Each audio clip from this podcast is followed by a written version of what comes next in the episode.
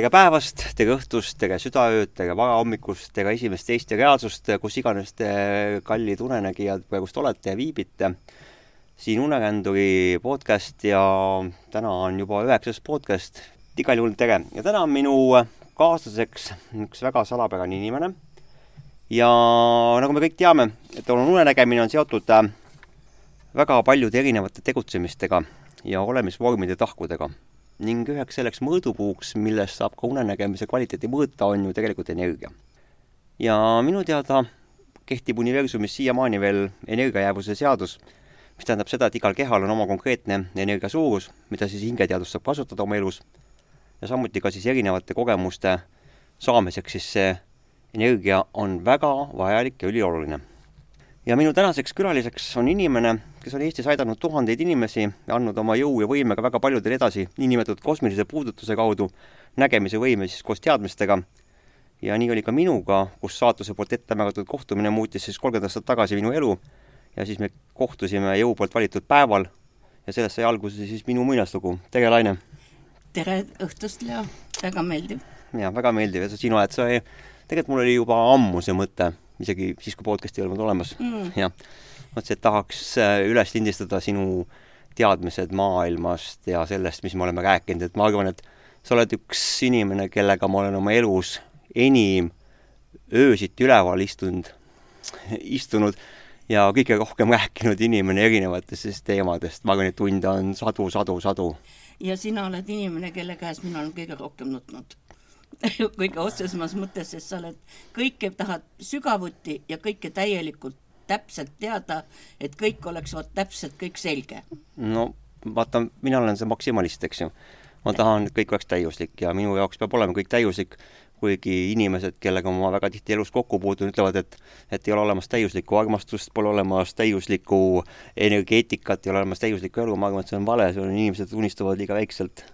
ma arvan sedasama, sellepärast et sind tundes ma tean, et üks superkuju ja, ja.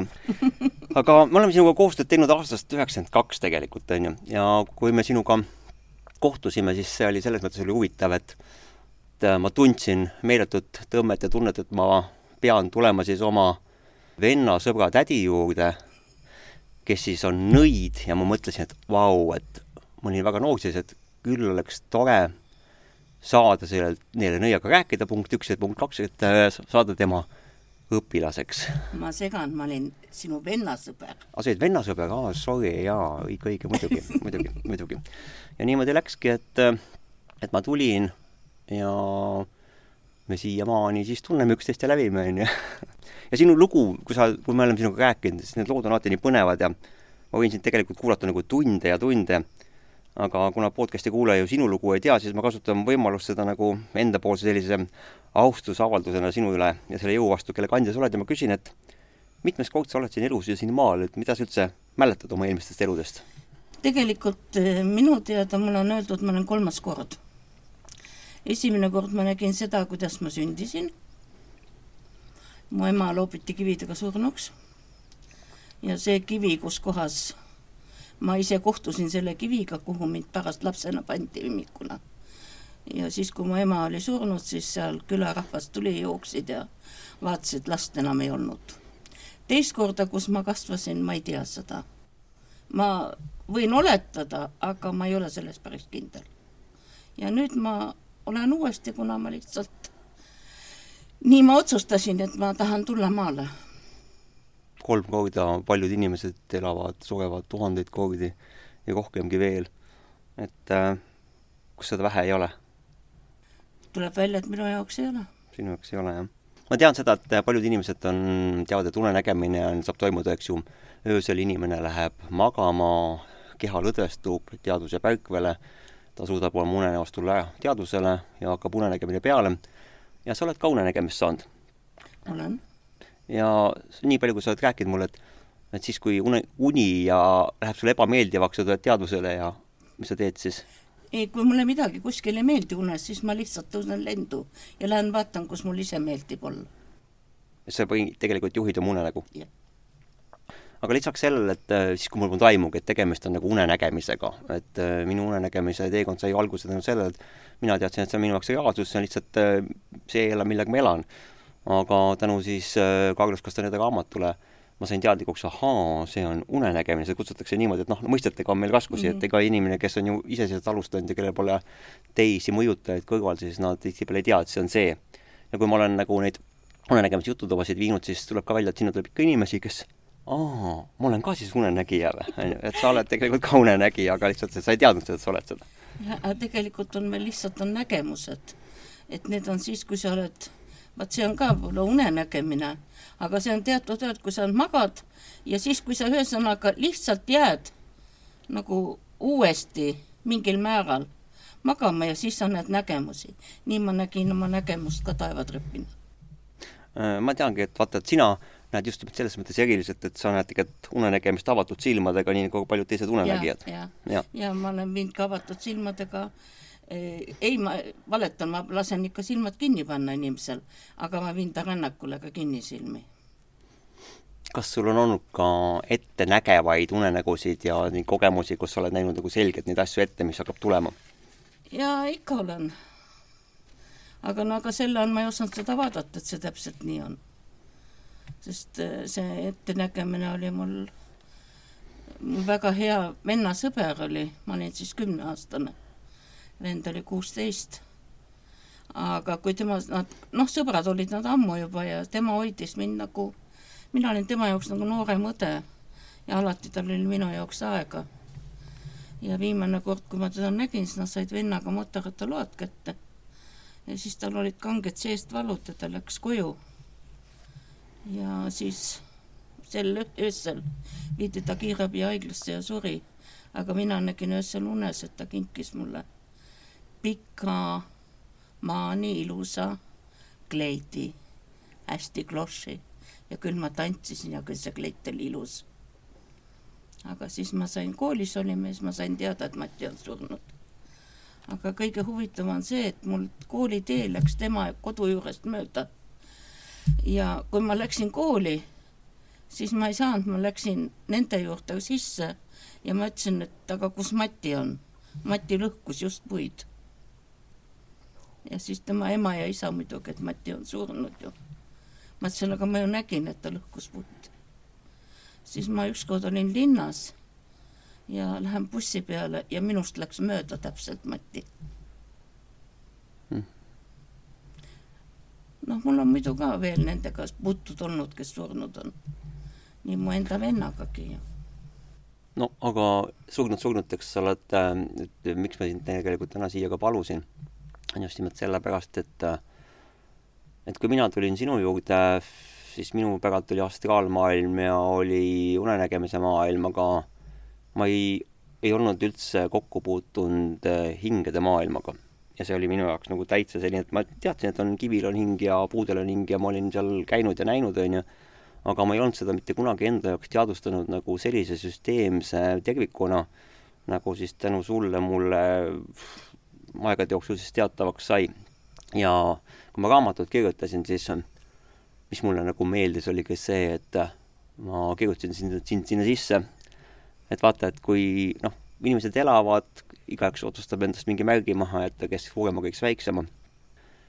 ja väga tihti on just nimelt see asi, et, et selle marg, märgi mahajätmisega on niimoodi, et äh, inimesed kipuvad ununema, kes on olnud, aga vaata, kui siin kirjutatakse laulu või raamatusse, mis iganes, siis sa elad veel väga kaua ja selles, selles raamatus olid Suur hingenõid ja sa oled ka seda suur hingenõid, et äh, ma ei tea üldse Eestis üldsegi mitte kuskil, kellel oleks nagu sellised võimed äh, just nimelt hingede maailmas ja, ja podcast'i kuulaja, kes sa ei tea, siis naine on tõesti täidanud tuhandeid inimesi.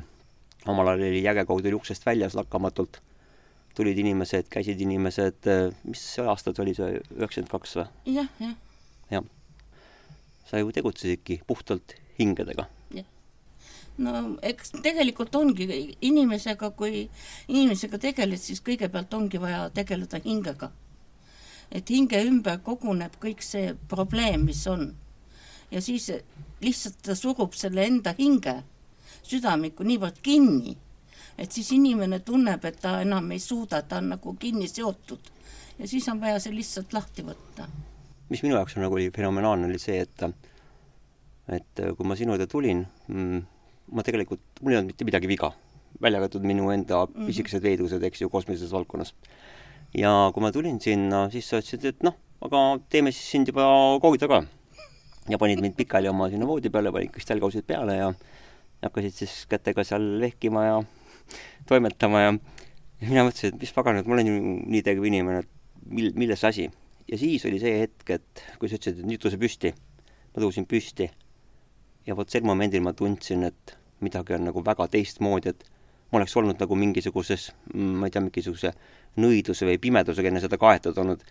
tõusin püsti ja ma tuikusin täiega ja mõtlesin, et issand, selline tunne, nagu ma oleksin kolm nädalat kopsupõletikus kõrge palavikuga, et ma olin nagu nii läbi higistanud ja nii läbi omadega.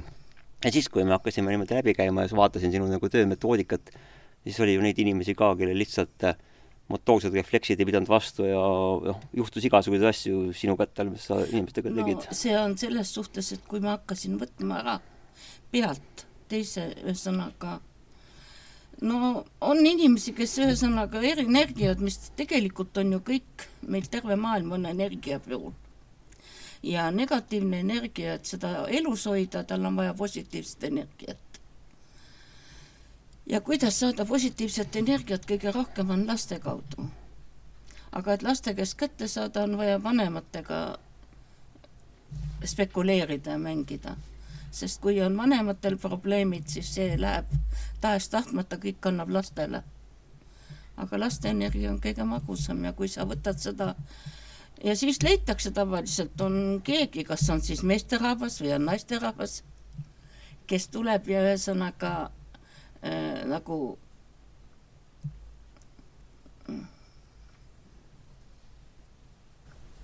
no tükib vahele, ütleme.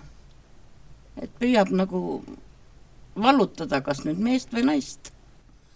ja samas ütleme, see pool, keda siis vallutatakse, näiteks no see, keda sina ise nägid, ütleme, see sündmus, oli niimoodi, et lihtsalt mees ei saanud aru, miks ta peab minema naise juurde ta ei taha, tal on kodus lapsed, tal on oma naine, ta armastab oma naist ja, ja ta lihtsalt tuli mu juurde, pisar silmi, ütles, et kuule, Laine, aita. ma ei saa teisiti. ja siis nad tulid koos mine-, mõlemad. ja siis naisel oligi, naisel oli niisugune sajatus peas selline, et ta lihtsalt kaotas vahepeal oma taju ära. sa oled äh, väga palju inimesi just nimelt, et sa oled neid aidanud ja pärast seda nad on saanud äh, nägijateks või siis on hakanud ise tegutsema, paljud jõuga inimesed teevad nagu selle vea, et selle asemel, et teenida inimkonda, nad teenivad kasu. no üks asi on kasu kasuks, teine asi on see, et kui sa kaotad ära oma tõe ja hakkad otsima kuskilt mujalt ja võtad nagu ehid vahest mõnda asja valede sulgedega ja no ütleme, et eba, äh, ma ütleksin seda, et äh, astraalmaailm ei ei meeldi talle ebaõiglus mm,. astraalmaailm tahab tõde saada, tahab absoluutselt tõde saada. jah, ja et selles suhtes, et ja ma olen öelnud alati, et inimesega võib tegeleda ainult selline inimene, kes ei tarvita alkoholi, narkootilisi aineid ja kes, kelle sõna, mõte ja tegu on üks. aga kas psühhoteelikumid ja seened ka sinna alla lähevad? absoluutselt. mulle meeldis väga see, see on ja. minu ühesõnaga ega see ei ole nagu noh, see on minu eetiline mõtlemine. sa pead olema ise piisavalt tugev, on ju, et sellega tegeleda mitte saama kuskilt abi, et tegeleda. jah, jah. aga kas kõikidel inimestel on võimed? raske küsimus. tänapäeval öeldakse niimoodi, et et tegelikult kõik inimesed võivad näha, kõik inimesed võivad teha, saavutada kõiki neid asju, mida tegelikult jõuinimesed teevad. tegelikult ei aga kõik inimesed võivad kuuluda kellegi mängukanniks. mis oli minu jaoks oli hästi võõrastav alguses, et et kui ma siis küsisin sinu käest esimest korda, et äh, sa võtsid mu hinge enda kätte, et äh, siis äh, ilus hing oli. jah, see selleks, on ju, see, me ei räägi sellest praegust. aga et võtsid hinge enda kätte ja siis ütlesid, et noh, ahaa hmm,, näe. ja tead, siis mul tekkis niisugune asi, et nagu inimesel tekib tavaliselt selline hirm, et kui keegi inimene loeb teda, loeb tema mõtteid ja siis, et appikene, et aga sa saad ju kõik minu saladused teada, onju. ja siis ma mõtlesin niimoodi, et aga mul ei ole mingeid saladusi sinu ees. ma ei tunne, et mul oleks mingeid saladusi sinu ees.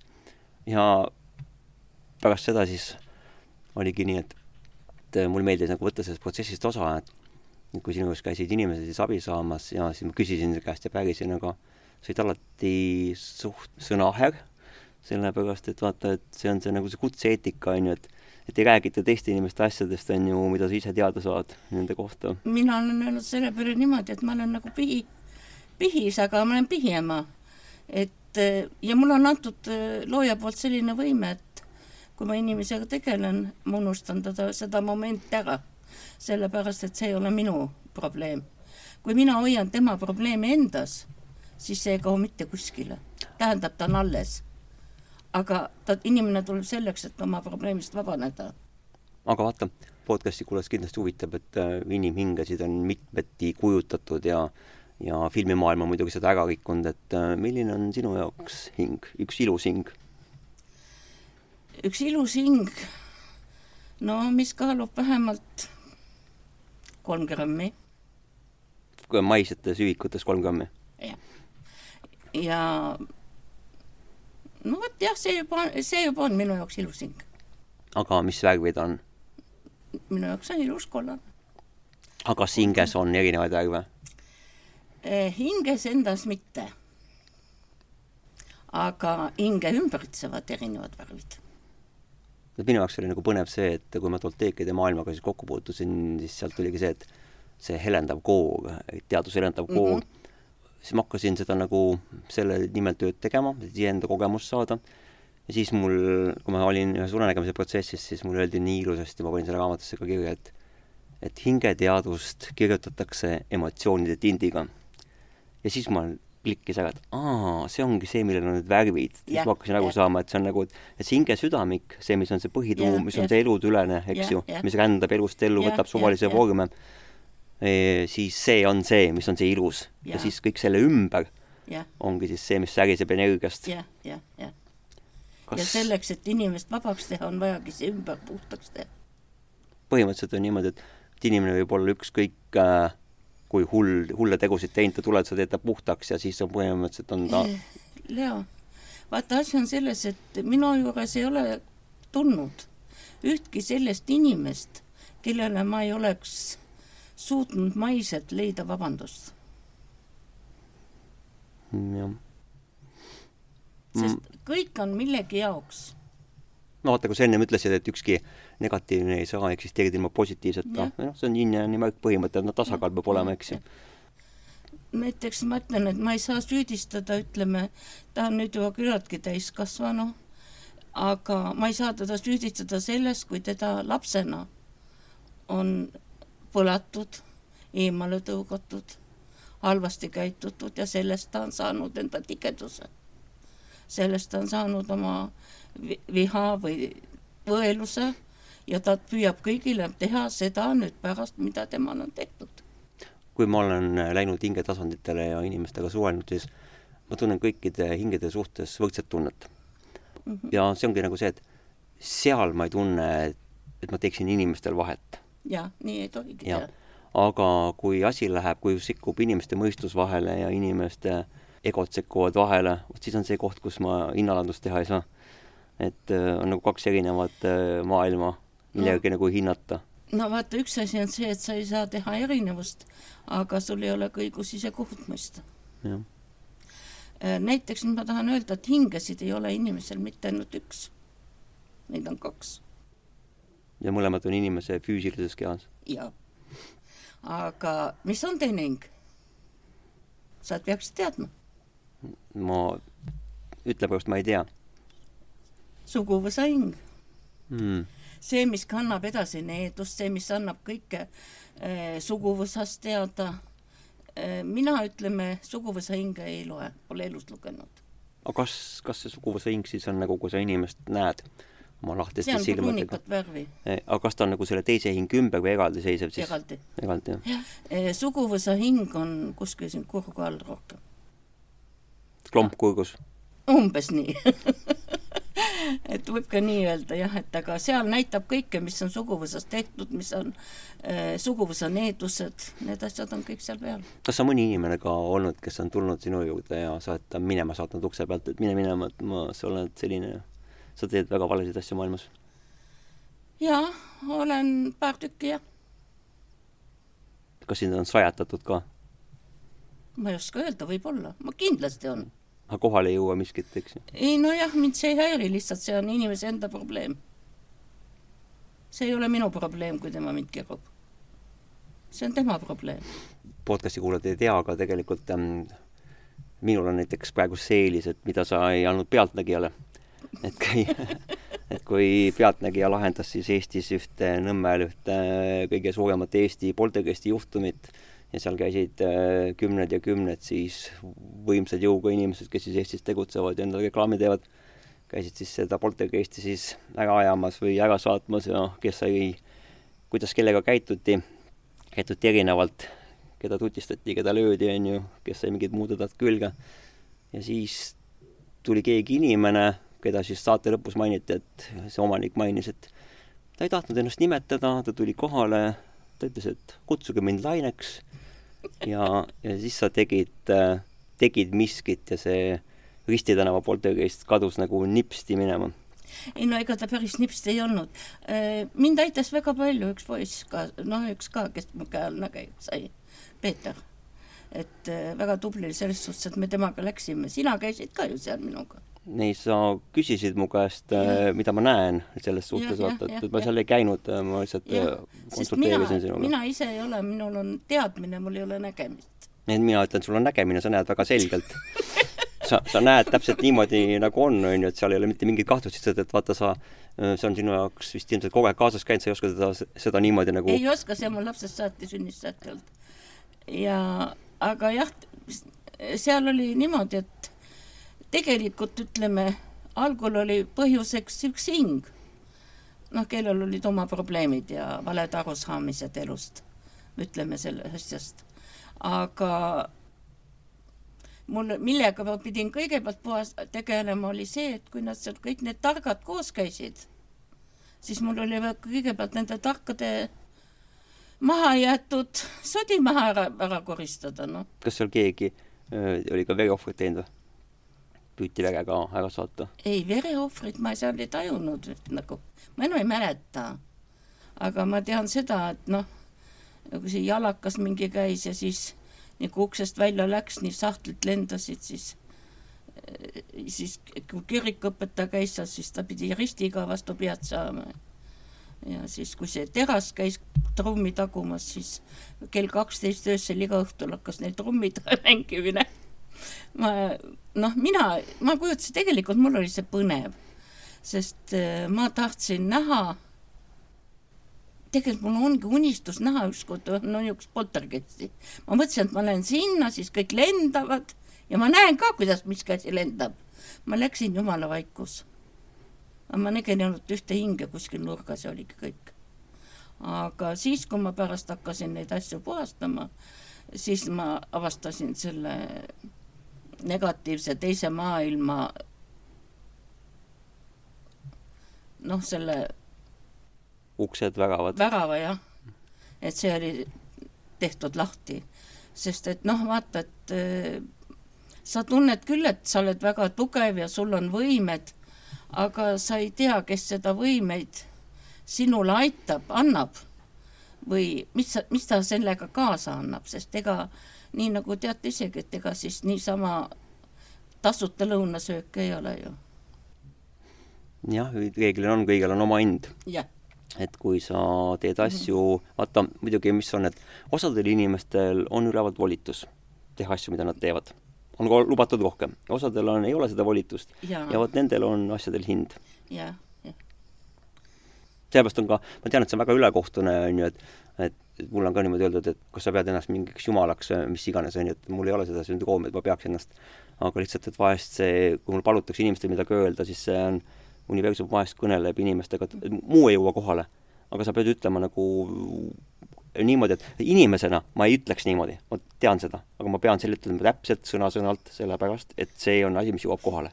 no mul on kahjuks eluaeg selline loll mõte, loll iseloomujoon olnud, et ma olen eluaeg öelnud seda, mida mõtlen. Ja see on mul lapsest saati, mul ei ole kunagi olnud eh, ütleme, et inimene on, laps on täiskasvanu suhtes mingisugune aukartus. minu jaoks aukartus on sellise inimese vastu, kes on selle ära teeninud.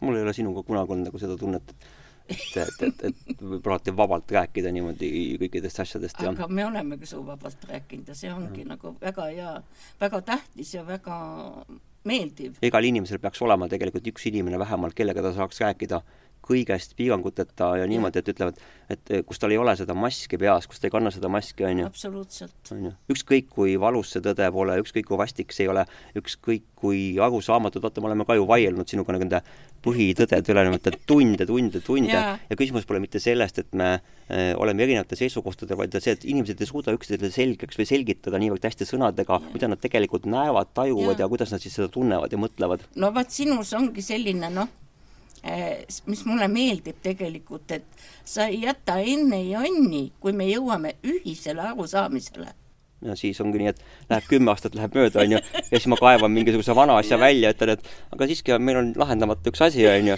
ja tead, kui palju ma olen selle eest tegelikult elus nagu noh, ütleme, nagu sõimata ja vitsa saanud ka, et et inimestele ei meeldi see, kui sa otsid mingi vana asja välja, aga vaata, minu jaoks on see niimoodi, et et kui inimese elu kulgeb nagu jõgi ja kui midagi toimub inimeste eludes mm, -hmm. on need eludeülesed asjad, on ju, või on selles elu sees, siis on hästi oluline mäletada seda punkti, kui mingi asi toimus, selleks, et ma saaksin minna pärast sinna hetke tagasi ja näiteks teha selle olematuks või lahendada selle küsimuse ära energeetiliselt.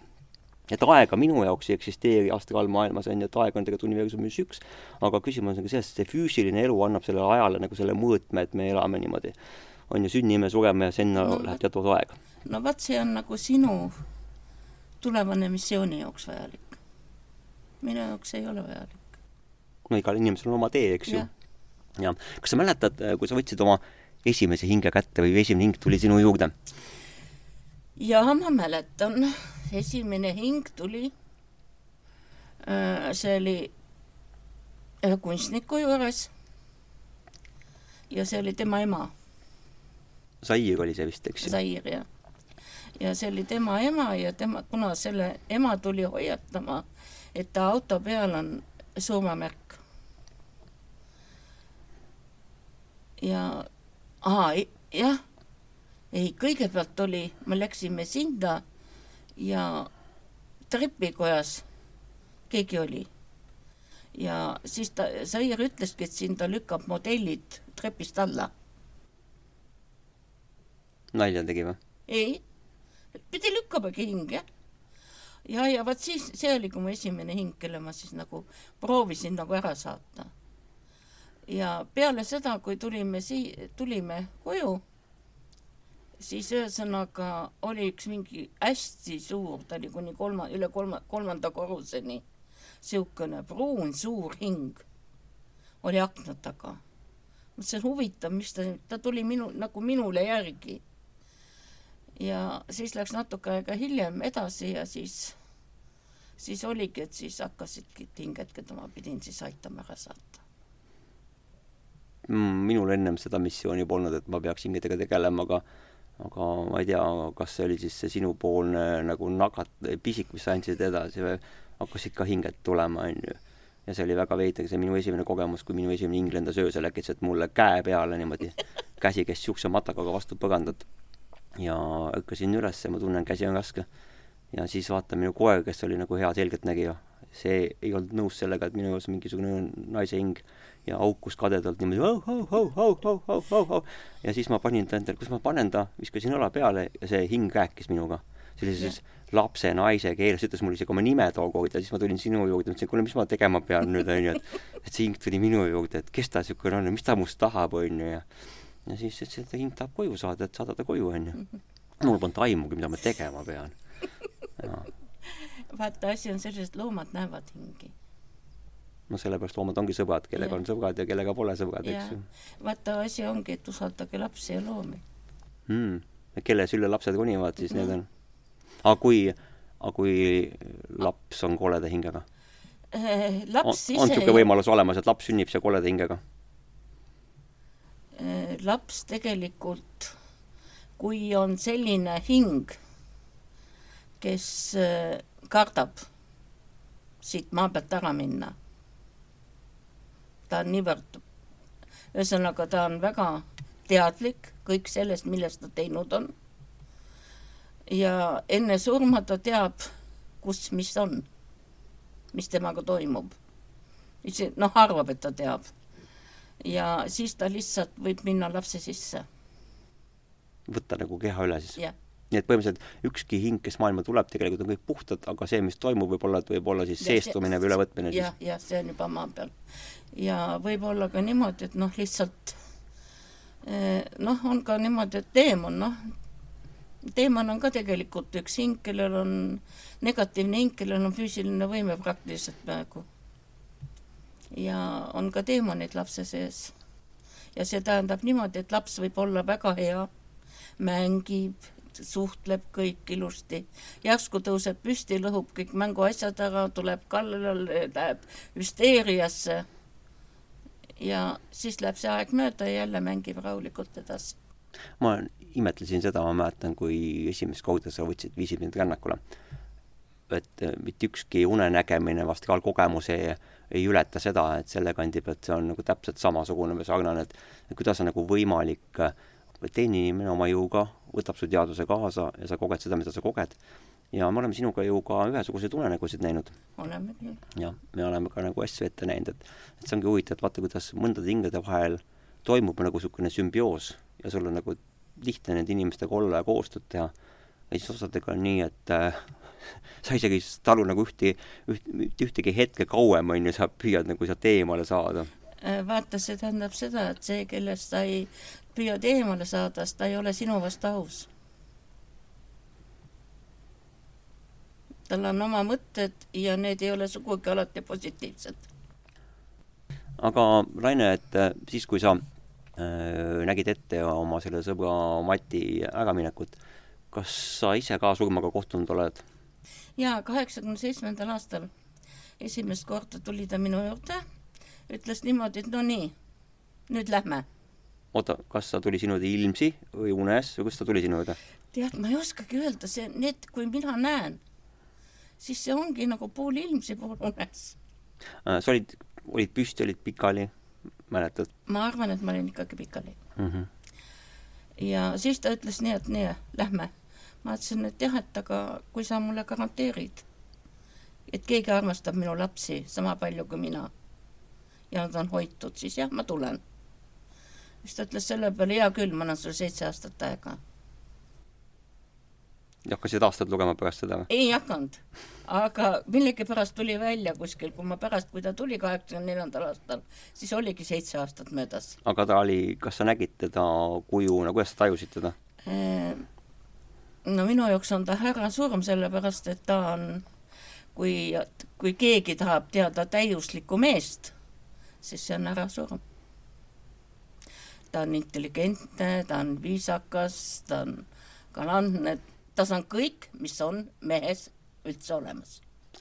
Äh, minu vanaema rääkis sellist lugu, et kui tema oli noorepõlve tüdruk, mingi kaheksateist, üheksateist, nad tegid seal mingit talutööd tegid ja oli sügisene aeg, et ütleme juba see augustikuaeg mm, Mhm. -hmm. et vili oli valmis.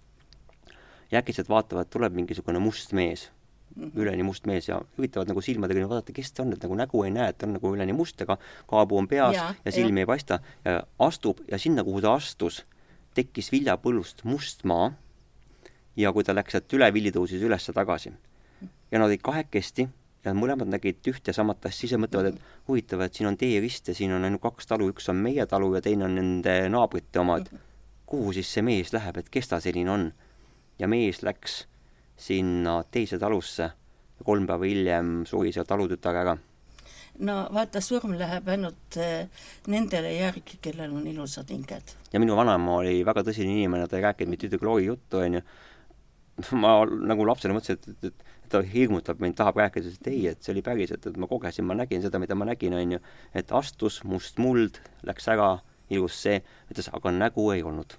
kas sinu surmal oli nägu? jaa, minu surmal on nägu. Äh, mina näen teda, siis, siis ma ei tajunud nägu mm. -hmm. nägu ma nägin hiljem, aga siis ühesõnaga ma ei, no sel ajal ma ei võtnud ka millekski seda. ma nagu noh, mulle, ma ei ole kartnud surma kunagi aga ma ei osanud, ma ei mõelnud üldse, et ma keegi olen. et ma üldse midagi olen. ma mõtlesin, et kõik inimesed nii tajuvad kui mina. Kui mina kohtusin surmaga, enda surmaga, siis ta vaatas mulle otsa, ütles nii, äh, oled sa valmis mind minema? ma ütlesin jah, ja tead, mis ta siis tegi või? siis ta ütles, et äh, aga vaata, sinust jäävad maha naine, lapsed, koerad kas sa oled ikka kindel, et sa oled valmis minema? ma ütlesin jah, kui on minu aeg, ma olen valmis minema. siis ta ütles, no olgu, anna mulle käsi. ja ma hakkasin talle kätte andma, ta ütles, et see oli test ja, ja see, on tema ja, moodi. jaa, et see oli test. see on okei okay,, aga ma olin päriselt, et jaa, et ma ei võta sind, see oli sinu aeg veel, onju. ja see oli nagu hästi võimas kogemus nagu just nimelt nagu selle kandi pealt, et et äh, ma sündisin nagu sel hetkel uuesti. ja kuna ma olin äsja ju alustanud alles seda oma ütleme siis teadliku unenägemise sõdalase kada, on ju, siis mm -hmm. äh, Toteekidel on kirjas ka, et et iga sõdalane jõuab varem või hiljem punkti, kui ta oma südamega ajal astub, kus ta kohtub, on vältimatu kohtumine surmaga. See toimus seal ära ja pärast seda hakkas mul nagu uus elu peale sõna otseses mõttes. no praegu ma võiks öelda, et ta on mul kõige parem sõber. ära soo.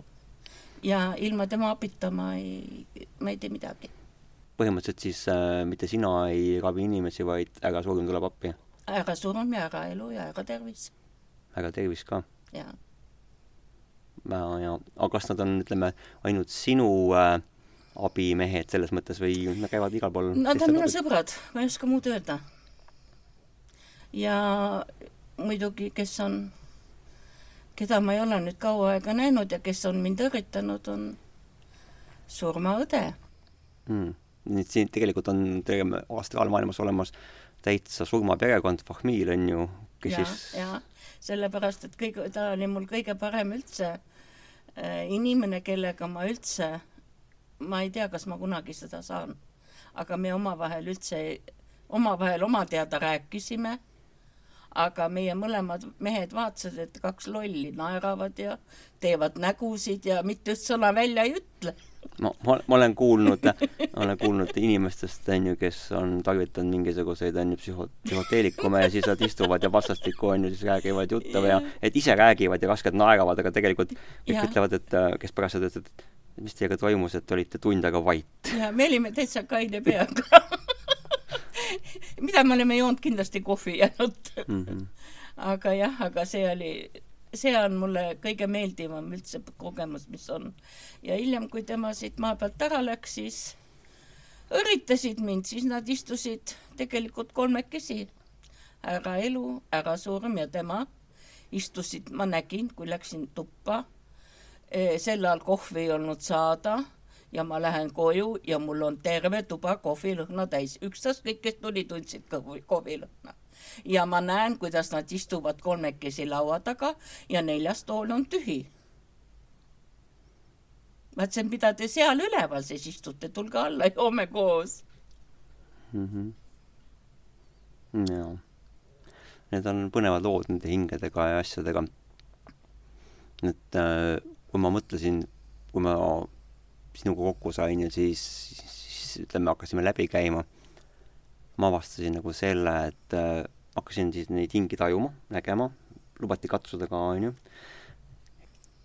mis oli huvitav, oli see, et ma tahan sinu käest ka küsida, et miks on mõne inimese hinges viha sees? no vot, siit ma ennem juba natuke rääkisin tegelikult see oleneb tegelikult lapsest, lapsepõlvest. et, et see ei ole mitte tema selle päris olemuse sees mm, -mm. vaid see ongi seesamane seal jah, jah. see tähendab, ma ütlen, et äh, millegipärast äh, väga paljud vanemad ei suuda armastada rohkem kui ühte last. kas äh, hinges, kelle sees on viha, võib ka olla armastus samal ajal? jaa, võib küll. võib küll olla, et see on täitsa normaalne asi, et ja, ei ole? jah.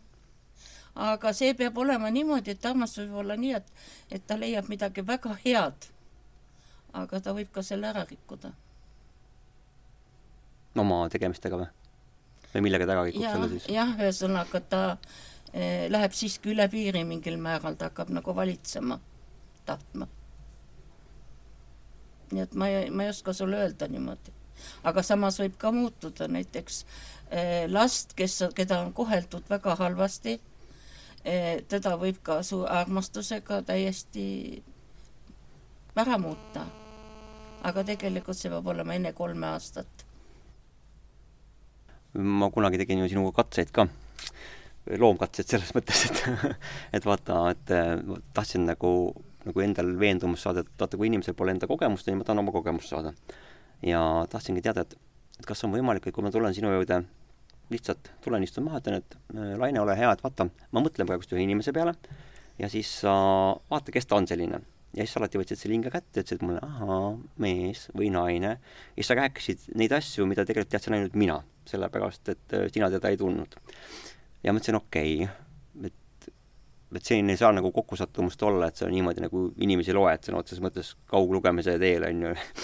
ja siis ma mõtlesin, et järgmised kõik jäi välja, et mõtlesin, et okei okay,, et aga äkki ma teeks niimoodi, et ma annan sulle sama hinge ette, sama inimese ette ja sa loed seda teist korda ja tead, sa iga kord lugesid, sa ütlesid, hm, ma olen seda ju hoidnud, mis sa mulle neid vanu hingi tood et, et see oli ka, mõtlesin, okei okay,, et, et siin ei saa nagu jälle, et eh, tahaks küll nagu öelda, et, et see on kõik umbluu, mis nagu räägitakse, mis on, on ju, et need hingede maailm ja kõik muu, on ju.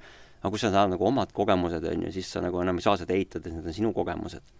ja mis oli nagu huvitav, oli see, et kui ma tegin, mul oli nagu põhimõtteliselt ühel hetkel said mulle nagu otsa sellised äh, soovid ja taotlused, et mida nagu siis astraalmaailmas võiks nagu veel teha või korda saata, on ju, et et äh, kõik oled juba saanud ja kõik oled ju proovinud ja näinud, on ju, mis ma siis sel hetkel suutsin ette kujutada. siis ma mõtlesin, aa, ja siis mul kogu aeg ülevalt öeldi, et aga miks sa ei ole kunagi teinud äh, astraalprojektsiooni oma hinge? ja ma polnud nagu selle peale tulnudki, mis mõttes, et kas on võimalik teha enda sisse astraalprojektsiooni, et vaata, lähed kehast välja, on ju. ja siis, kui ma tegin seda, siis sellel hetkel avaldus minu jaoks nagu, et ma nimetan, esimene reaalsus on see, kus me oleme, teine reaalsus on siis astraalmaailm, mis on ka omamoodi unenägemise mm -hmm. maailmaga kattuv, on ju, ja kolmas reaalsus on siis see kosmilise puu tasand yeah., eks ju. ja siis äh, seal nagu hakkas sündima selliseid põnevaid asju, et et kust tulid nagu niivõrd kihvtid niisugused detailid, ütlused, metafoorid sisse, siis kuidas universum hakkas sinuga suhtlema läbi selle iidsete hingede keele, on ju ja siis ma küsisin ka, et milline on kõige iidsem keel, siis mulle öeldi, et kõige iidsem keel on hingede keel ja see on armastuse keel. mõtlesin, ma ei saanud sellest aru, mis mõttes armastuse keel, ütlesin, et see on armastuse keel, onju. jah, ma ütlen seda, et tegelikult kõik minu läbi elatud, mis on, see kõik on õpetanud mind armastama. tingimusteta? või tingimustega? Ei, armastus ei ole tingimustega. aga kas sa oled kunagi kohanud enda teel inimest, kes on sind suutnud armastada tingimusteta?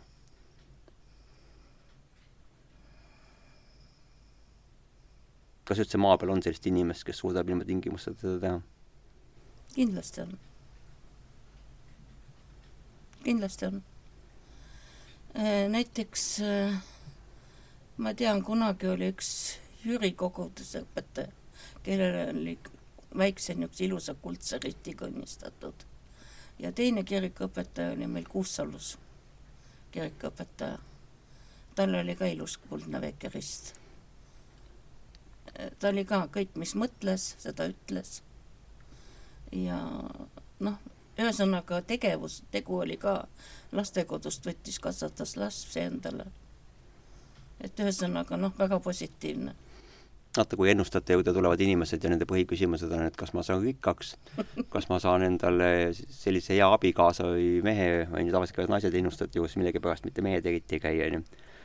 ja et siis, kas mu elu saab olema lill siis noh, siiamaani ma tegutsen ka inimestega ja need inimesed, kes minu käest küsivad, küsivad seda, et et kas mul on võimalik leida siit elust tõelist armastust, kas seda on olemas, et kaua ma otsima pean, kaua ma kaevama pean.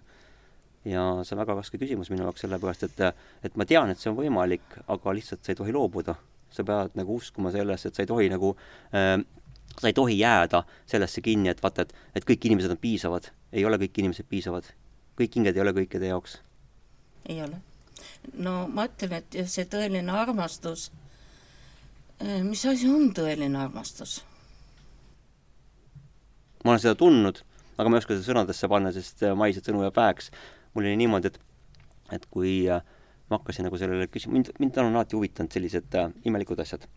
et inimesed ütlevad, et äh, kus sul neid, kus sul neid taotlusi tuleb ja kust sa tuled nagu niisuguste asjade peale, et selliseid asju nagu küsida või uurida ja tahate ka, noh, mind huvitavad.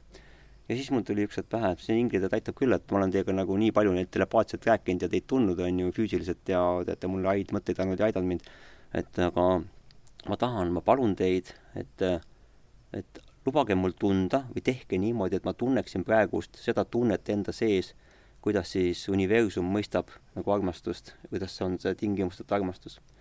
ja tead, siis tuli singel minu juurde ja ma lamasin ja pani mulle oma käe, parema käe, lükkas otse pähe, niimoodi, ma ei tea, miks ta otse pähe pani, hakkas, pani, ilmselt sellepärast, et nagu mõistust panna pähe ja siis tõmbas selle käe niimoodi aeglaselt mm -hmm. niimoodi tõmbas ja see käsi ei olnud mitte niimoodi lapikult peas, vaid ma tundsin, et niimoodi vaata nagu lõikaks nagu käega nagu keha pooleks. Mhm. selline tunne oli, niimoodi pani pähe ja tõmbas selle kuni siis hingeni välja ja sel hetkel, kui ta nagu hinge puudutas, minu kehas käis läbi selline plaksakas. ma tundsin seda nagu, see oli nagu selline, ütleme, et kui sa oled nagu ka kulkaga lasknud, on ju yeah., ja tõmbad selle vinna ja siis läheb see kumm katki ja natukese teistpidi tagasi, on ju. vot sama tunne oli nagu kuidagi sissepoole, et ma sain sellise laksu, sellise elektrilöögi sellest mm. -hmm. Ja samal hetkel, kui see toimus, siis äh, minu keha läbistas mingi imelik energeetiline vibratsioon niimoodi, mis pani mind nagu nagu mingi kogaga õhetama, ajas kuumaks, eks see yeah. toimus kõik üheaegselt. ja siis samal hetkel vallandusid minust pisagad, mm. on ju, täiskasvanud mees, neljakümne seitsme aastane, kogeb esimest korda elus universumi tõelist armastust ja siis pisarad voolavad ja need ei katkenud ära, nad ei katkenud ja niimoodi, ma arvan, et see läks ajaliselt mingi viis-kümme minutit ja lihtsalt voolavad, voolavad ja ma mõtlen ise samale, mõtlen oma taju, mõtlen, et pagan küll, et maiselt ei ole seda võimalik korrata, et inimkehad on nii piiratud. see on niivõrd puhas. ta on niivõrd puhas, ta on ilma ühesugu, mille, ilma ühegi mingi varjundiga, varjundita. Ta on täiesti puhas, ta on puhas energia, mis annab ainult sulle headust. sa tunnetad kaitset, headust, niisugust, kõike seda valgust, kõike seda ma mõtlengi, et ma ei osanud, ma ei suutnud seda kirjeldada muud moodi mm, -hmm. kui see oli imeline, eks ju. jah see ongi imeline. ja pärast seda ma kirjutasin, need read kirjutasin, et et inimesed, kes mahuvad sinu südamesse, ei mahu sinu hinge ja inimesed, kes mahuvad sinu hinge, ei mahu sinu südamesse, on ju. Mm. Sellepärast, et see on selle kahe maailma vastuolu, et mm -hmm. ei ole võimalik nagu, et kõik on kõiges. aga siiski see ei tähenda seda, et siit peaks nagu äh, loobuma, pürgima paremuse poole, et soovid endale parimat. absoluutselt ma tahan veel, mis ma tahan sellest kolmest, kolmandast dimensioonist öelda. minu käest küsiti siin just üks päev et jah, et kuhu, kuhu kohta, kuhu dimensiooni Leo kuulub. ma ütlesin, et vot Leo kuulub kolmandasse aga miks peaks keegi minu kohta küsima? ei, lihtsalt oli jutt, et muidu on tavaliselt teine dimensioon, aga et on ka kolmas dimensioon, Leo, Leo räägib. aa, kolmas reaalsus, okei okay,. kolmas okay. reaalsus, jah. no dimensioone on rohkem ja, muidugi, jah. ma, vabandust, ma natukene siin puterdasin. aga ette määratud näiteks on ka nii, et hinged on ette määratud kes peavad kohtuma omavahel. jaa, näiteks meie pidime kohtuma näiteks. Aga kindlasti minu juurde ei tule üldse selline inimene, kes minuga ei pea kohtuma. ei no ma ütlen, et me pidime kohtuma sellepärast, et äh, sa ei teadnud mitte midagi unenägemisest ja ma ei tea mitte midagi hingedest. absoluutselt aga ma oma mehega ka täpselt samuti, et kui ma temaga kokku sain juhuslikult, me hakkas, ma teadsin kohe, et temast saab minu laste isa. kas sa teadsid ka, mitu last kohe sul tuleb või? jaa, ma teadsin lapsest saati, et mul peab kolm last olema kaks poega ja tütar. Pojad on ennem ja tütar on kõige noorem. seda ma teadsin eluaeg. aga sellepärast, et ma selleks siia maa peale tulingi aga ühesõnaga eh, vennasõbranna tahtis kangesti mind tutvustada oma tädiga. ütles, et tead, et tule, et saame siin minu tädiga kokku lõpuks tuli välja, et see tädi oli minu tulevane ämm. Siis minul naaber, naabritüdruk kutsus pulma. pulma me läksime juba koos oma abikaasaga. siis mul ühesõnaga töökaaslane kutsus juubeli sünnipäevale. sinna me läksime ka koos abikaasaga. kusjuures meid oli mõlemaid kutsutud eraldi mm.. nii et me ei oleks mitte kuidagi üksteisest mööda saanud minna. et universum sättis täpselt niimoodi, et see oli vältimatu kohtumine ja absoluutselt. Ma ütleksin, et seda, seda sättisin mina ise. no et ikkagi, et ma küsin nii, et kas on olemas siis hingi, kellel on äh, kõik ette määratud ja tal ei olegi valikuvõimalust, see ja. peab minema nii, nagu on? valikuvõimalus on alati. on alati? alati, alati., alati.. Äh, sellepärast, et aga see valikuvõimalus, kui sa valid, see võib olla väga raske tee no minul on äh, näiteks näidatud niimoodi, et vaata, et on kaks teed ja, ja nii, et sa pead valima, võta nüüd kiiresti, üks või kaks. ja ma olen hakanud vastu jonnima, mõtlesin ei, ma ei võta kumbagi neist. mis mõttes nagu, et te olete minu eest ära otsustanud ja ma pean minema sinna ja näidatakse punase joonega ette, et sa pead minema sinna, ma ütlesin, ma ei taha minna, ma tahan otse minna. ei, sina, sina ja. ei pea valima. ja pidin valima, pidin valima, pidin valima ja aga ma ajasin sõrad vastu, ma ei olnud nõus ja ma läksin otse ja siis ma käisin ringi ära. käisin ringi ära ja siis ma tulin tagasi, mõtlesin tean, et mul ei ole valikuvõimalust, ma pean minema sinna, et ma ei, ma ei saa nagu sellele vastu, on ju, et see on nagu see, et vaata, et sa sisemiselt tead ka, et vahest, et et et see peab olema niimoodi ja aga sa mingisugune osa nagu inimesest ei lepi sellega, et, et nagu vaata, vaata vahest on, et, et aga miks pagan ma ei või nagu olla selline nagu tavaline inimene, et mul ongi nagu, et nagu no, hästi me, lihtne, on ju. me oleme sinuga sel teemal vaielnud kogu aeg. sa ütled kogu aeg, et sa paned iseendale piirid aga ma teengi iseendale piirid, sellepärast et minu jaoks ongi need piirid. tõde on piiratud teaduse teadlikkusega. Need on ainukesed piirid, see ongi ainuke tõde on sellepärast, et kui mina ise enda, noh, nagu iseendale ei tee neid piire mm, -hmm. siis minule neid mitte keegi teine ei tee.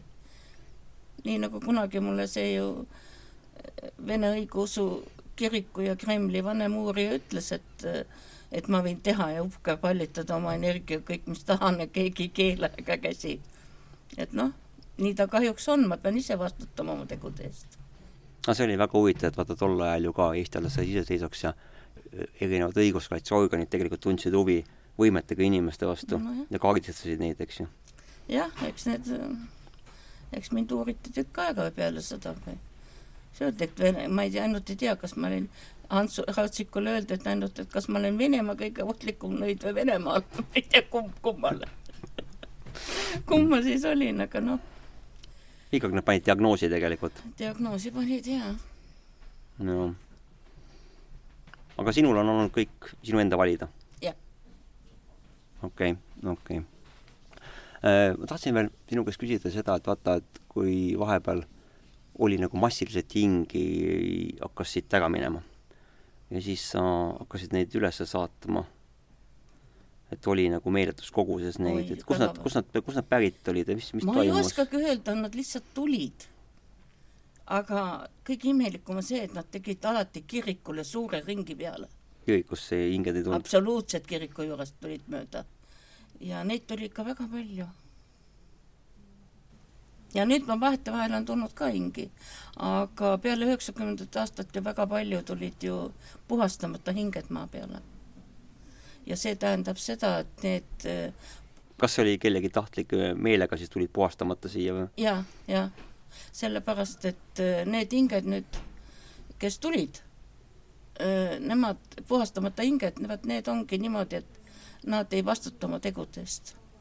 ma olen sealt alati küsida tahtnud, et ütle mulle, milline,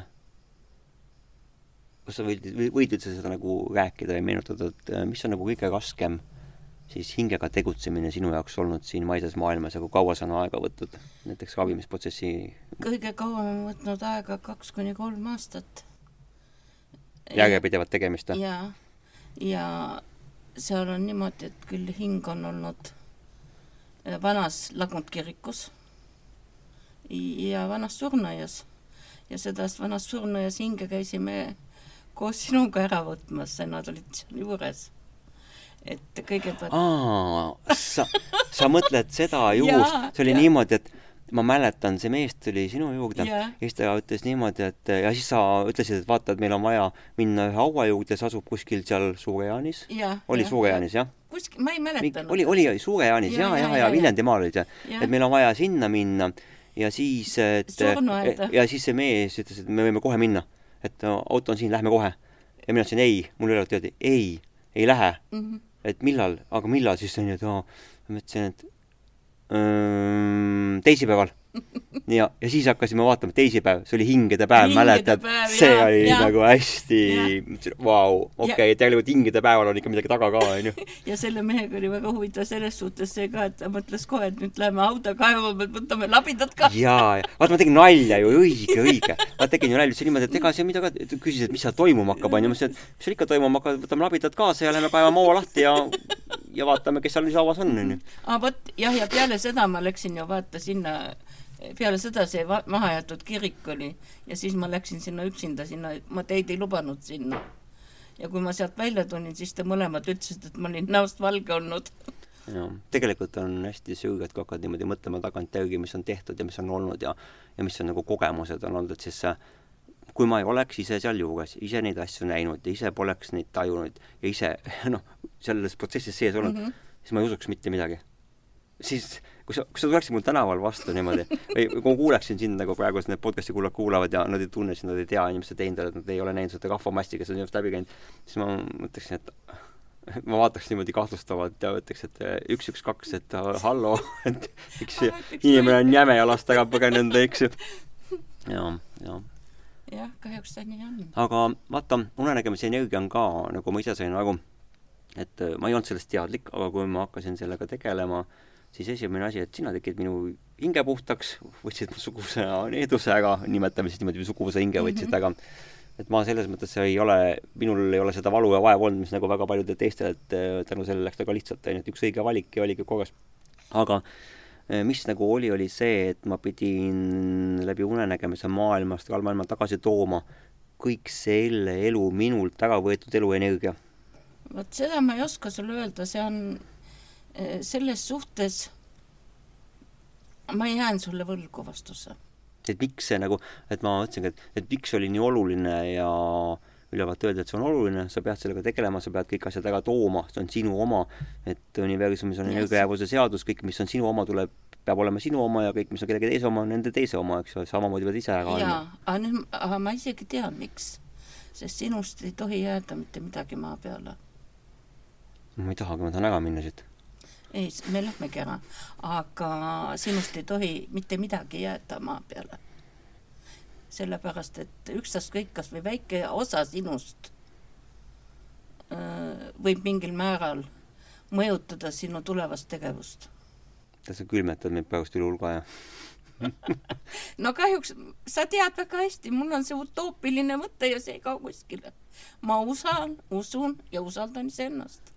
see ongi see, et ma eile pidin ka ühele inimesele ütlema, et et äh, ära mitte kunagi kahtle iseendas, ega mitte kunagi loobu sellest, et äh, et sa unistad suurelt, aga loobu sellest, et las inimesed ütlevad, las nad naeravad su üle, aga kui sina unistad, sa tahad täiuslikkust ja ajad seda taga, see on sinu õigus seda saada ja ära lepi mitte kunagi vähemaga. sellepärast, et see ongi, et, et, et see on nii oluline tegelikult, et inimene, kui ta tunneb, et see on õige tema jaoks, sa ei tohi lasta ennast maha tampida, mõjutada teistest inimestest. kahjuks enamus inimesi mõtlevadki, et aga, aga kui ma nüüd lähen seda teed, kui ma nüüd teen nii, nagu mina tahan, mida siis see, see või kolmas või neljas mõtleb? aga see kolmas-neljas ei tule sulle appi. sa pead ise oma teed rajama. see ongi eluseadus, et käi oma teed jah, ja aga käi ausalt, käi oma teed täpselt nii, et sa julged endale iga päev peeglist otsa vaadata. sina Ja julg-, sina julged? julgen. see oli nali lihtsalt praegu. ja vaata, mina olen oma elu elanud niimoodi ka, et ma olen julenud kõigest rääkida, tervest oma elust. mulle kunagi heideti ette, et miks sa kõike räägid. ma ütlesin, aga ma tean, sest mul ei ole mitte üht, mul ei saa ühtegi luukera kuskil, luukere kuskil kapis olla. ja ma olen, kui ma kellelegi midagi räägin, mis ma ise läbi elanud olen, siis ainult räägin sellepärast, et see inimene ise tajuks. ma räägin ainult seda, mida on selle inimese jaoks vaja. aga no see ei ole sinu valik, see, see tuleb sul ju sünkroonis ju sel hetkel, siis sa pead, mis sa pead. sellepärast, et noh, ma ütlen, et ma ei ole kohanud ühtegi inimest, kes tuleks sellise probleemiga, mida ma ise tundnud ei ole. valud kaasa arvatud. see on ka huvitav olnud, et kui äh, me inimestega tegelenud, siis äh, sa vahest äh, esiteks elad läbi emotsionaalselt, mida nad on läbi elanud mm, -hmm. ja teiseks sa, sa tunned füüsiliselt seda valuna niimoodi, et kui kellelgi seal kuskilt seest miskit on ju sest ma olen ise seda valu tundnud mm. ma tean täpselt, mis maitset ka see valu on. Maitsega, jah? jah. jah. ma tean, et sa ei pidanud ennast üldse kunagi šamaaniks ega kellekski, onju, aga ma arvan, et sa oled ikkagi olnud eelmises elus šamaan ka kindlasti kohe sellepärast, et need teadmised ja need tegevused ja need asjad, mis sa teinud oled, tead, sa pole raamatuid lugenud, on ju, aga nagu ma olen näinud mingisugused põnevad raamatud indiaani maailmast ja sa lugenud, siis ma ütlen, et sul on nagu olemas kõik need tolteegi teadmised. Sa ei peagi lugema neid, on sul olemas, et näed, et õnnelik inimene. no vaat mul öeldakse vahest mõnda, et no vaata nüüd, loe seda või seda, aga ma ütlesin, jah, ma loeks küll, aga see on kõik mulle tuttav ma tahaks midagi sellist, mida ma ei tea. põnevat, põnevust ähm, vaata, ühes eelmises, ma ei tea, mitmes podcast see oli, kus äh, koos siis Helenaga rääkisime ja Helenal astus siis jalaga sellesse maailma, kus astraalmaailmas hääled hakkavad rääkima. palju õnne talle tagantjärgi selle kõige puhul.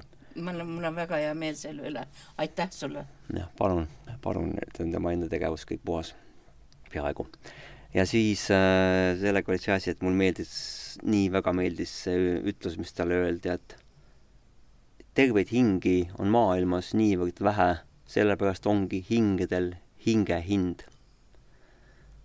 Ja see oli nii võimas lause, ma olen selle peale peaaegu iga päev mõelnud pärast seda.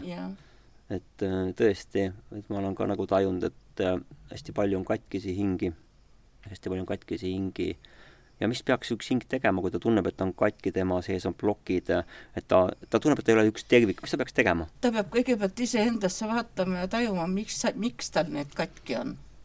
kas ta on, kas inimene on suuteline iseendasse vaatama nii ausa pilguga ja nägema, et ta jaa e,, seda iga inimene on võimeline, et ta tajub, et tal mis, et mis teda segab.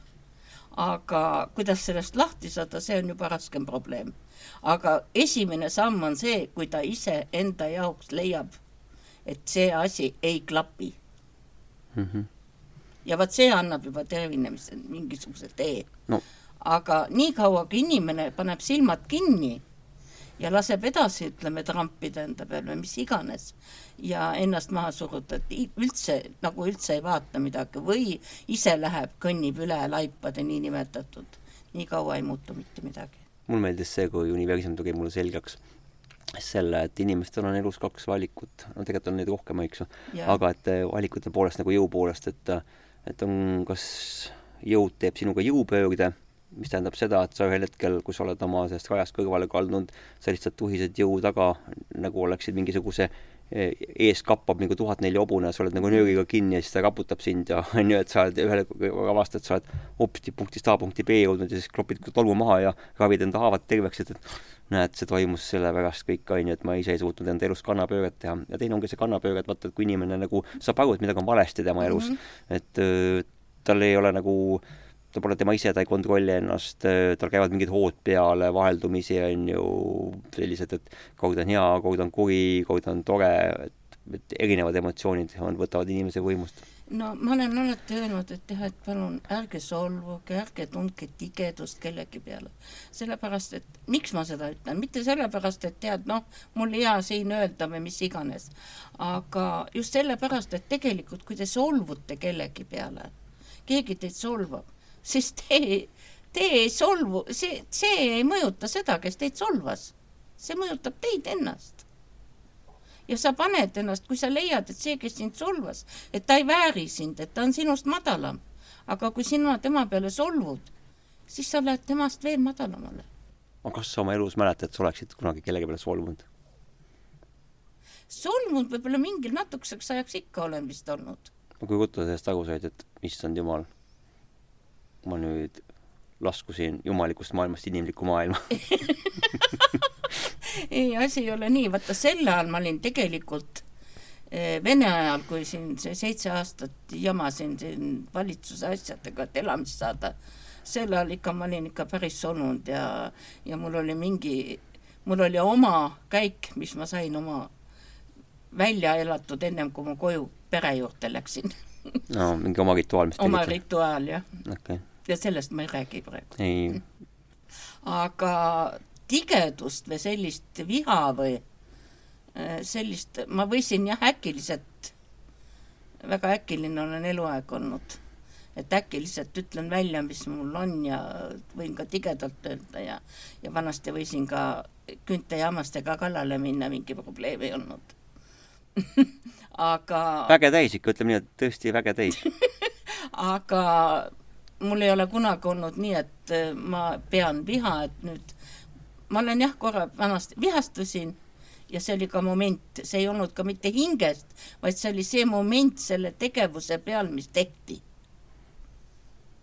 Mitte ühesõnaga noh, ja see ei tähenda seda, et viie minuti pärast ma ei võinud selle inimesega koos istuda ja kohvi juua. no ma olen sind äh, ikka väga palju üritanud endast välja viia, see on vahest õnnestunud ka, eks ju. aga mitte see, et ma oleks nagu, see on nagu eesmärk, et sind endast välja viia, vaid pigem, et äh, et tõde selguks välja, et no ma olen siis ma ei ole kunagi, ühesõnaga, vaat siis ma ei ole kunagi solvunud. ei, see on teistmoodi, et see ja see on, ma lihtsalt kallale, kallale pole sa ka tulnud ma olen lihtsalt tunnetanud, et ma ei suuda nagu noh, enda nagu seda suutmatust.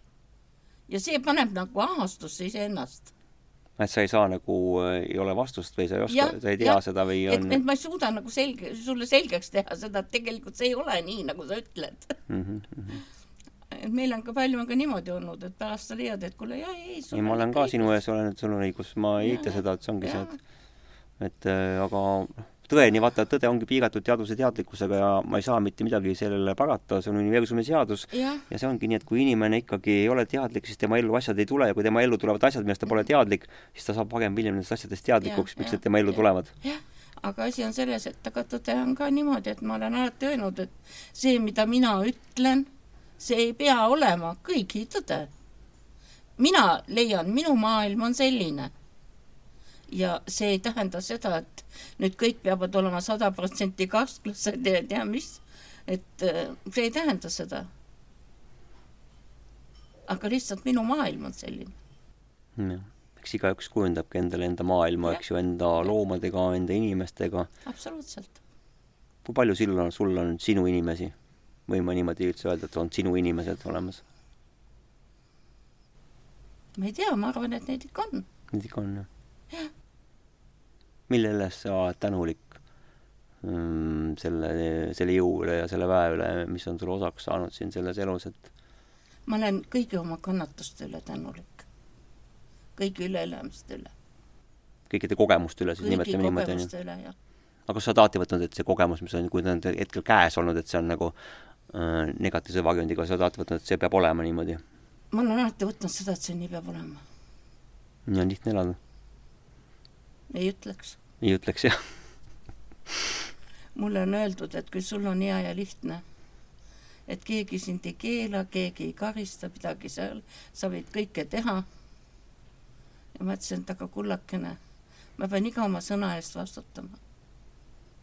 mul ei ole mitte kedagi, kes, kes ühesõnaga ütleb, et no ma puhastan su ära, kõik on korras. saun puhastab mm. Mhm. -hmm. Universum puhastab ka onju. Jah. no vot nii. kas sa mäletad oma kõige viimast unenägu, millel oli mingi tähendus? viimane, millel oli tähendus? no selles mõttes vaata, et sa nägid seda ja said aru, et see on nii eriline. et No. sellel on mingisugune sügavam tähendus, mida No. sa veel ei suuda aru saada. kas ma räägin sellest kirikunenäost? Ma ei tea, ma ei mäleta. ma olen nagu sinagi, ega mina ei mäleta, kui mulle räägitakse asjad. see, mida ma päeval reede öösel, reede öösel nägin. ma rääkisin no kui sa rääkisid, jaa, siis ma ei kuulanud sind. aga kui sa räägid uuesti, võib-olla siis ka tuleb meelde vaikselt. et see oli see, et ma läksin, ma kirikus ei käi. ja kirikus oli väga suur fuajee, nagu hästi suur tuba oleks olnud. Ja ma olin nagu seal eesruumis ja inimesed tulid kirikust välja ja kõik nutsid, sest see õpetaja nii hästi oli rääkinud. ja mina ütlesin, ma mäletan, ma kellelegi ütlesin inimestele, et jah, tõesti, et ta tõesti räägib väga hästi. et ta on ilus puhas inim-, puhas noh, et puhas õpetaja. ja siis ta tuli minu juurde ja ütles, et tema tahab minu õnnistust. Ma ei saa sellest temast siiamaani lahti. ma mõtlesin, et ma sellest ei räägi, aga aga kas ta oli nagu, kas sa tunned, et see inimene on nagu päriselt siin selles reaalsuses olemas või oli ta nagu siis teise teadusena või hingena või? mul on selline tunne, et ta on päriselt olemas. aga ta, ta lihtsalt pisarates ja ma ütlesin, et kes mina olen, et mina hakkan sind õnnistama. nüüd mul tuleb meelde, sa rääkisid, et see mul jäi meelde. jah, ja tänu taevale ma tõusin ülesse. Tänu taevale, jah. aga aitäh sulle, Laine, nende hingejuttude eest ja ma tänan sind ka tegelikult kõikide nende juttude eest, mida me oleme siis sadu tunde nagu rääkinud ja jaganud ja mis sa oled nagu teiste inimeste jaoks teinud, et et minu jaoks see on nagu ei ole suuremat asja, kui, kui inimene tingimusteta ja puhtast enda südamest ja hingest aitab teisi, sellepärast et ta peab seda õigeks. ma arvan, et äh, see on üks parim asi, mida tegelikult, mida võiks kõik inimesed õppida, et ärge olge isekad. kui on inimesed, kes vajavad abi, siis äh, tehke kõik endast olenev selleks, kui nad küsivad seda teilt, saaks neid aidata. aga üle oma varju ei hüppa, eks ju. üle hüppa. ja maailma soojaks ka ei küta. ei küta ja elu on nii, nagu ta on. Et iseennast ei tohi ka kaastundes ära kaotada. absoluutselt mitte. ja aitäh kutsumast, ma küll mõtlesin siin esmaspäeval, et ja ütlesin sulle ka, et ma ei taha tulla vist üldse aga noh, sest mul on see esimene selline esinemine. no see on väga suur privileeg, ma ütlen, sa oled ära ütelnud väga paljudele ajakirjadele, lehtedele, Pealtnägijale ja Mahu Kersnale ja nii edasi edasi, onju. et äh, hurraa, unekändur tegi ära selle, eks ju, et äh, väikene enesekergitus ka praegust, aga noh, tänu sellele ma nii palju sind tunnen ja ja eks ma sellepärast nõus olin. aga just nimelt hea podcast'i kuulaja, et äh, kui vahest kohtuvad meiesugused inimesed nagu Laine on ja ja veel teised, keda, keda, keda on piisavalt tegelikult ja siis nad hakkavad omavahel rääkima, siis siis äh, sellised just need jutuajamised ongi, et oo, vaata seda, vaata toda mm,, vaata, sellel on see häda, okei okay,, aga miks see on tulnud niimoodi, see on sellest ja see on sellest, on ju, ja juttu jätkub mm -hmm. päevadeks, päevadeks ja, ja väga palju on niisuguseid asju olnud ka, kus me täna ei tea vastust ütleme, et aeg annab arutust ja see aeg annab arutust tuleb. ja see on alati tulnud. ja ta tuleb. jah. ja sellepärast ma üldse ei muretsegi elu üle ja asjade üle, et, et kõik, mis tuleb, see peab tulema. ma olen öelnud, et kärbes ei lenda ka ilmalt ülevalt ei teada. mulle on öeldud, noh, mulle üks tegi selgeks, et ma olen öelnud, et arvas, et ma olen öelnud, et ma olen maaema ja ma ütlesin, et ei. aga kahjuks ma pean ütlema, et ma tunnetan kõike seda valu, mida tunnetab maaema. ja ma ütlen, et see on, see ei ole sugugi meeldiv. see, mis äh, inimteadused teevad praegust maale jah minu jaoks näidati väga selgelt seda, et algas arutute ajastu ja sagutu ajastu lõpeb sellega, et teatud hulk aastate pärast lihtsalt siit lahkuvad viimased hiiehoidjad ja hingehoidjad. maaema on juba lahkunud maa pealt. see on minu teadmine. maaemat ei ole siin maa peal. ta on kõrval. aga see on üks universumi, ütleme siis, soov et ja.